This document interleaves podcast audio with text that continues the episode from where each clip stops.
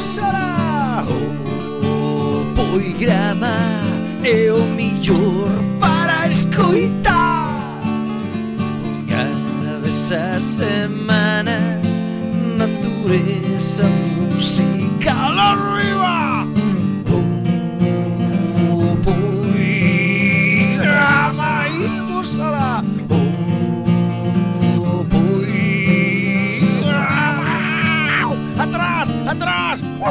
pasa pastor Poigrama Internacional Hola, me llamo Isabel y queríamos eh, si Toñito nos podía contar la historia del portillo, esa que cuenta algunas veces de un marinero que se quedó atrapado en el, en el ojo de buey de un barco. Muchas gracias. Queridos amigos e amigas do verdadeiramente auténtico Para min é un placer contar a historia do mariñeiro que quedou atravesado nun portillo. Este drama, porque é un drama, empeza cunha frase. Un home, en caso de emergencia, é como un jato. Onde mete a cabeza, mete todo o corpo.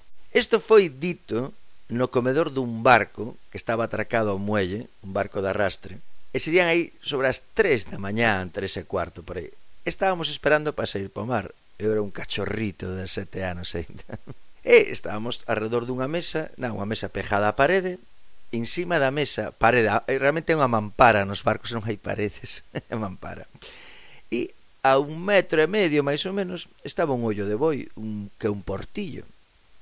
Estaba aberto porque había xente fumando iso había dous bancos a cada lado da mesa así de corrido e eh, na cabeceira había uns de pés e bueno, estábamos esperando. Só faltaba o patrón que del cheja e manda arrancar e fora.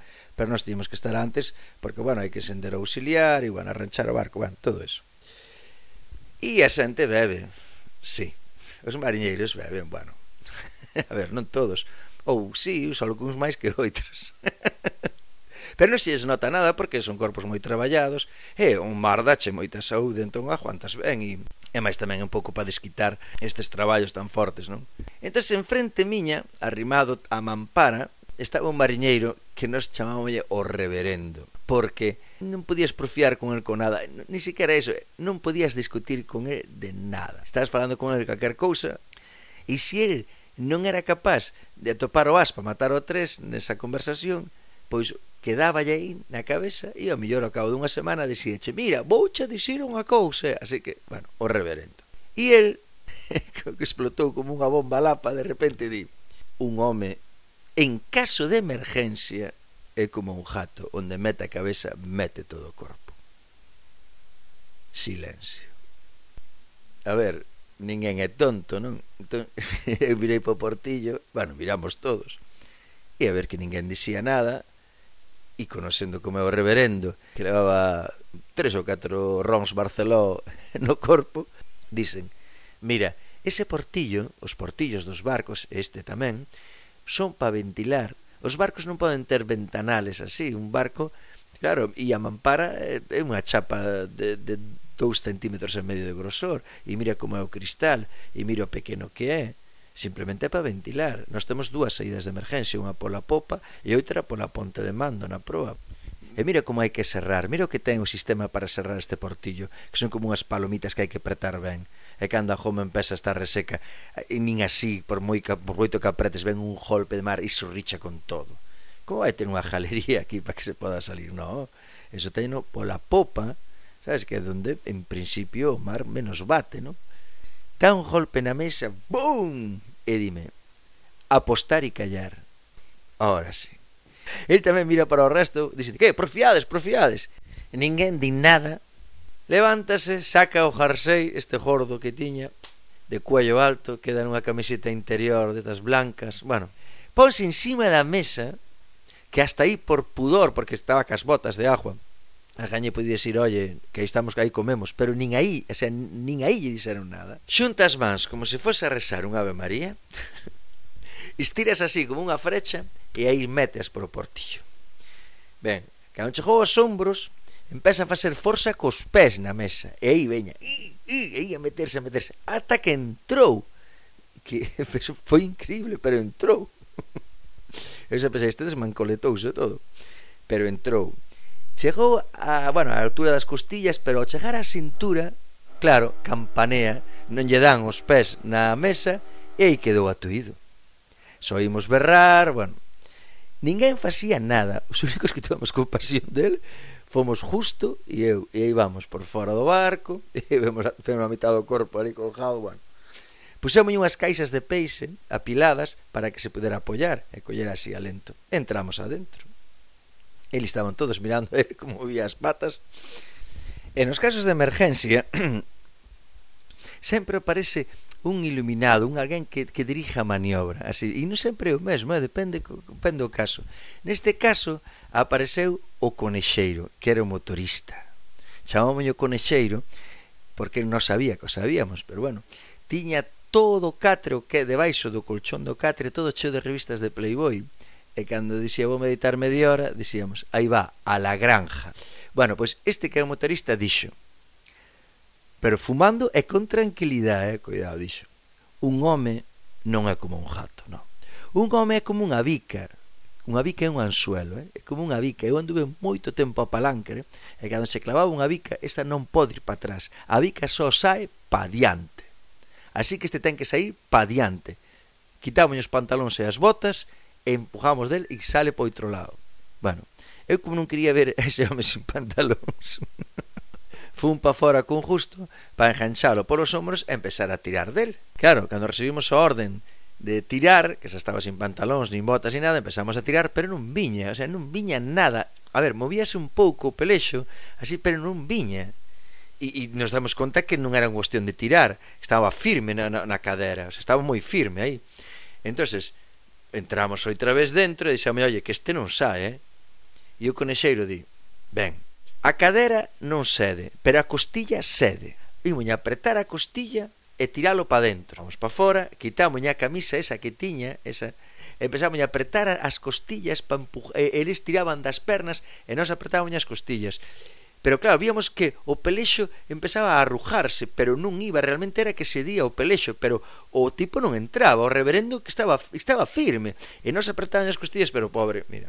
E di o conexeiro, Carlitos, que era seu engrasador, vai abaixo a máquina e tráeme un balde de valvulina, que a valvulina é un aceite é grasa, é grasa pura, o sea, é un aceite, é, é, é grasa, é como se fose barro, pero é aceite, bueno, moi espeso e imos a rebosalo todo, pero non só polas costillas, imos a rebosalo tamén pola cadera, para coller, empezar a traballalo, o sea, a giralo, sabes, así como se fose un sacacorchos, a movelo así, para que traballe a grasa e así sacámolo. Entón, collemos, posamos as roupas de aguas, e fun por fora, rebosámonlle ben as costillas, el rebosámonlle ben a cadera, bueno, posámonos de acordo, a ver, para que lado girábamos, e para dereita, para dereita del, bueno, pois pues para dereita del, veña, giramos, empezou así, e, e claro, había que meterlle grasa na xunta, metedelle na xunta, e nunha destas que tiñamos a cabeza do reverendo entre os dous, entre a miña e a de Justo, di Justo, como se o outro non oira, di, dime a min, pa min que inchou. o outro se empeza a chorar, eh? Intentamos eu apretarlle as costillas, girar para que traballa a grasa, nada, non era imposible, era imposible. Nesto que entra Ramón, o patrón, e cando ve o espectáculo, mi madriña querida. Mira, había unha frejona que estaba ali apoiada, colle e rompilla melena así xa mismo contra a esquina da mesa. Nós tuvemos que agarralo para que non vareara. Empezou a gritar, borrachos, e ora como... Como xa hora de sair para o mar, e noso barco estaba atracado ao muelle, ao costado noso había moitos máis barcos e a xente tiña que pasar por noso barco para coller os seus tapámolo cunha lona e dixamos, non te movas, eh, que pola vergonza tan grande. E nos sentámonos na popa no malletero ali sentámonos tranquilamente uns fumando e tal, e iban saltando os mariñeiros a bordo do noso barco para ir aos seus. Eh, non salides, non, nos vamos a ir a Quiniela aí que queda ao lado e tal, bueno. Cando se arrancaron todos os barcos dixo Ramón, bueno, e agora que facemos? e o conexeiro que era o profesional, dixo, imposible, é completamente imposible.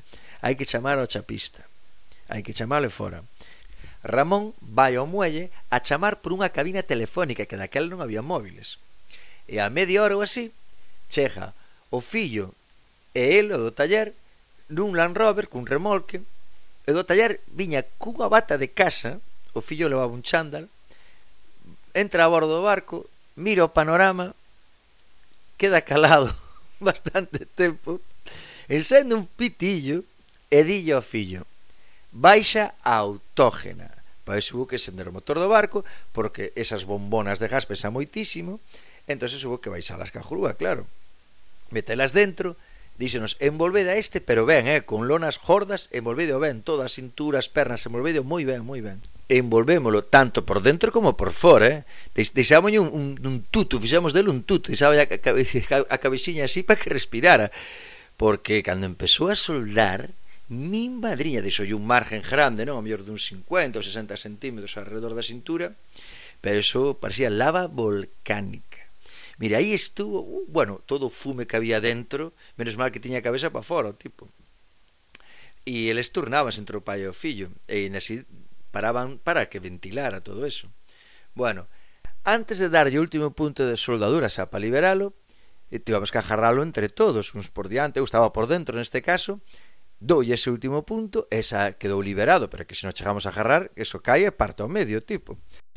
Eu saín por o fulado e pusémolo de pé encima de cubierta.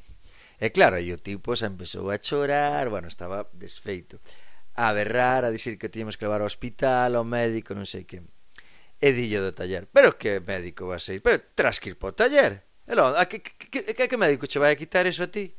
Teremos que ir po taller. Bueno, fixemos unha asdejía grande e puxémoñe unha lasada boa e puxémonos por debaixo dos brazos, porque hubo que sacalo con grúa. O pobre ainda conservaba algo de dignidade e quería subir por as escaleiras do muelle, pero claro, estaba a tan baixa. O tío non tiña nin forzas e nada, tuvo que ir colgado así como unha bainarina hasta o remorque do Land Rover. Tapámoslo cunha lona para que non vira ninguén, dondo o muelle ata o taller. Ali contou un amigo meu que anchou para traballar ás nove, veu tal panorama. Dixo que estuveron toda a mañán hasta o mediodía para sacalo. Claro, con rebarbadoras, con todo, pero pois había que, que usar a serra a man cando estaba cerquiña do pelexo. Ao final sí que tuvo que ir ao hospital, eh, que estaba feito polvo, eh, espelexado e, bueno, deshidratado, bueno, de todo. E o barco tivo que ir para o carro. Tres semanas estuvo no carro o barco, porque claro, non íamos ir ao mar con ese furado tan grande.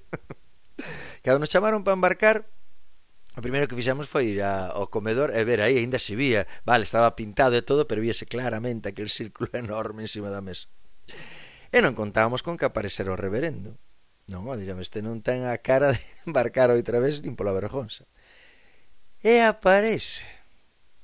E o primeiro que nos día nin, nin buenas tardes nin buenos días eh? o primeiro que dixo foi si non vos parece mal gustaríame que isto nunca lle contaras a ninguén e a mí seume da alma a verdad que bueno e eso que era menos indicado a mellor, pero bueno, esta vena guionista, non? pero vamos a ver, como non se vai enterar o mundo de que un home un home, é un jato, é o bicho máis listo que hai? e aquí remata esta historia. Penso que será un clásico, será como os clásicos de Homero, ou así da Iliada ou Ulises, ou así dentro duns anos, porque é unha cousa moi épica. Nada, eu encantado de aceptar todas as peticións, de verdade. Aquí estamos para servir, que como dixía a miña boa, que non sirve para servir, non sirve para nada. Ata semana que ven.